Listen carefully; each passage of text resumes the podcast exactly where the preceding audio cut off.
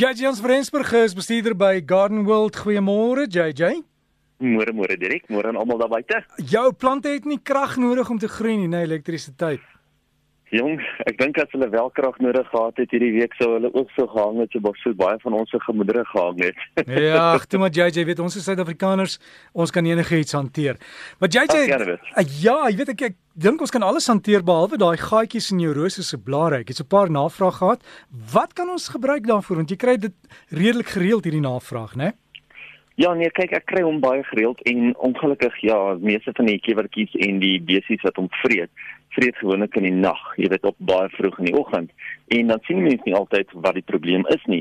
Nou deel van die praatjie van vandag is eintlik die stinkgoggetjies op die kykiepierings. Jy weet, um op die oomblik is daar weer geweldig baie navraag daaroor al die verskillende insekte op die kykiepierings. En ja, mense gebruik sommer beide dieselfde produk, ietsie soos 'n Avigard werk baie goed. Uh dis 'n kontak en magdoder, so jy kan jou plante kan jy in die laatmiddag kan jy spuit en môreoggend as jy wakker word en die kiewertjies of die besies was aktief geweest, dan behoort hulle daarvan te gevrekke deur die aand. So uh, ja, mens mens moet maar uitkyk daarvoor want dit nie net lyk dit sleg nie, maar as mense dit nie gaan behandel nie, gaan die probleem net al hoe groter word. So hm. kyk maar daarna. En Esther in Pretoria het 'n vraag. Sy sê hulle het mondou grasse en dit dit lyk vir haar is rotte wat dit kom stomp afvreet en wat kan sy daarvoor gebruik? En en weer eens jy weet dis dis maklik om te sê gebruik gif en sit dit en dit uit. Onthou omgewingsvriendelik moenie die eile doodmaak nie. En as jy gif spuit beskermende klere dra asseblief is so belangrik. Ja definitief. Jy weet dis daar so ook 'n e-commerce wat uit is wat 'n baie goeie organiese produk is om te gebruik. Heeltemal skadeloos is vir die uh, vir die tweede uh, roofdier wat die rot sou gevang het of sou gevreet het Um en mense moet bietjie uitkyk vir daai produkte soos jy sê. Kyk, as dit rotte is, dit kan baie maklik rotte wees want jy rotte vreet nogal die mondegras is baie maklik weg. Maar net so kan dit ook ander knaagdiere wees. So ek sou eers van alles gekyk het wat lê daar na die tyd. Jy weet wat se tipe van mis lê daar so voordat 'n mens net behandel, voordat jy net sou spuit en te kere gaan of voordat jy net sou gif neergooi. Um maar dit is baie baie belangrik jy kry selfs daai rotstasies waarin die mense die rot doder kan insit sodat jy wel kan seker maak dat dit 'n veilige plek is waar jy dit kan bære. Maar ja, dit soos jy sê, wees maar altyd versigtig. Uh lees die pamflet, jy weet, hulle sê altyd as mense jouself doodgesukkel het, eerste ding wat mense altyd doen is hulle begin dan eers die instruksies te lees. So lees maar eers die instruksies en maak seker dat jy weet wat jy gebruik en hoe jy dit gebruik. Die nuwe e-kamels waarvan ek praat, is eintlik 'n baie hoë vitamiene en dit is wat hulle nie van hou nie. Ek dink dit is 'n vitamiene K2 of iets wat wat hulle nie van hou nie. En ehm um, dit is dan hoe dit die rot dood maak, maar hy hy het geen ander effek op enigstens op ander ehm um, wild of op die mens nie. Hm. En JJ, iemand vra ook oor die die kattekruie, jy weet die wat met catnip is dit nou beskikbaar? Kattekruie is definitief nou beskikbaar. Ehm um, ongelukkig baie van die uh krye kwekers doen nie meer al die verskillende variëteite nie. So ja, mens soek maar om hom te kry, maar hy is definitief op oomblik beskikbaar. Jy kry hom in 'n lekker groot pot, ek dink van Malanseens af op oomblik, maar ja, hy is definitief beskikbaar en nogal interessant wat die kattekruid eintlik aan 'n kat doen. Um jy weet dat die geur en die smaak is regtig om die kat op 'n mooi manier te bedwelm as jy dit so kan stel.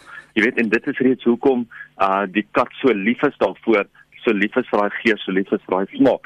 En party mense sal sê hulle katte vreet hom op tot op die wortels en dit is dan wanneer die mense baie maklik ietsie soos een van daai ou draad hangmandjies bo oor hom kan sit om hom te beskerm sodat hy nie weggevreet word nie sodat die basis van die plant nog steeds daar sou is. Ja, JJ, ek het eene wat ek in 'n in 'n voeltjie kou groei en jy weet hulle hulle eet vir hom gelyk met die draad, so hy kry dan 'n kans om elke keer reg te kom en nuwe blare te maak. Dis hy, dis 'n baie interessante, baie goeie wenk wat jy daar het. JJ dan jy het 'n hele lys daarvan dinge wat ons hierdie tyd van die jaar in die tuin moet doen, hè?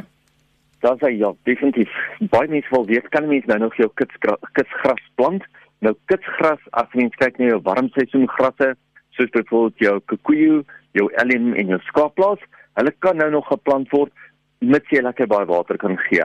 As jy in 'n area bly waar jy nie baie water kan gee nie en die reën net 'n bietjie opgehou daar by jou, moet jy dit liefs nie nou plant nie, maar as jy lekker baie water kan gooi of kan gee, dan kan jy dit definitief nog uh, nog steeds plant. As jy kyk na jou skadiegras variëteite of jou immergroen gras variëteite, hulle kan dwars deur die jaar geplant word. So ja, nou is eintlik 'n baie goeie tyd om hulle te plant. As mens kyk ook na jou skadiegras saad, jou shade over, jou all seasons evergreen en die pro lawns almal van hulle kan eintlik nou gesaai word. Nou is die beste tyd om hulle te saai. Hoekom saai ons net voor die winter? Onthou hulle groei op hulle beste in die koeler tye van die jaar. En op die oomblik is dit nou die koeler tyd van die jaar, so dit is nou die beste tyd sodat hy kan wortels skiet.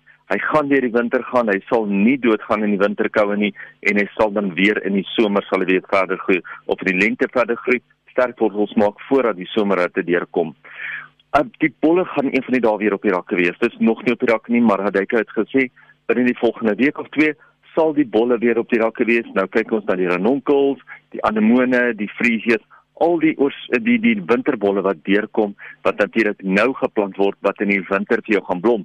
Maar wat jy solank kan doen is jy kan solank jou beddings voorberei, jou potte voorberei, onthou die bolle hou van lekker ryk grond, baie goeie dreinering. So werk ekstra sand in die grond in as jy enigstens voel dat die dreinering nie goed is nie, want bolle wil nie te veel water hê nie. So dra bolle in water staan, dan vrot hulle ongelukkig weg.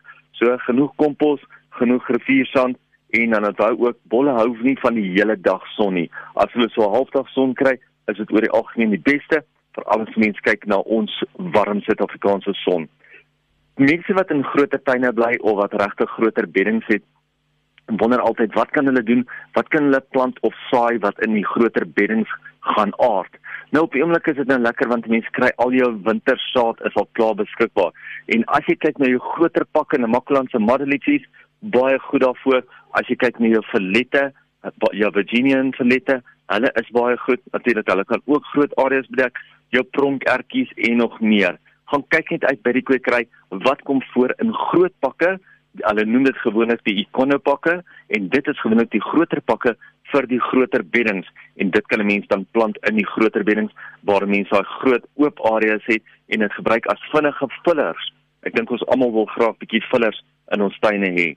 Ons plant van die week vir hierdie week is weer 'n hibiscus. Nou hierdie is die hibiscus graaf variëteit en hierdie is 'n nuwe, meer kompakte variëteit wat baie meer blom as wat die oueres geblom het. Die blomme is kleiner, maar die plant blom omtrent onophoudend.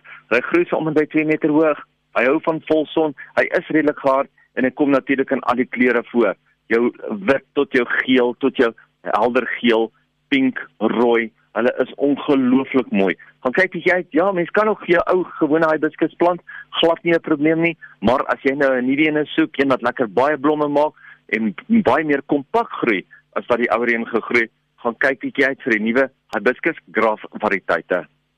Okay JJ, jy moet jou naweek geniet en sterkte. Ek hoop jy het baie krag daar vir tuin maak. Baie dankie, selle daarso. so gesels JJ Jans van Rensburg bestuurder by Garden World. Onthou jy kan vir hom e-pos JJ of JJ by gardenworld.co.za want iemand het ook gevra oor die klein muurtjies en goed. Stuur vir JJ die vraag en jy kan ook op die Facebook bladsy van Garden World gaan plaas dan antwoord hulle daar en almal kan die antwoorde sien. So jy deel dan die inligting sommer met klomp mense. So dis JJ by gardenworld.co.za. Geniet jou tuin maak.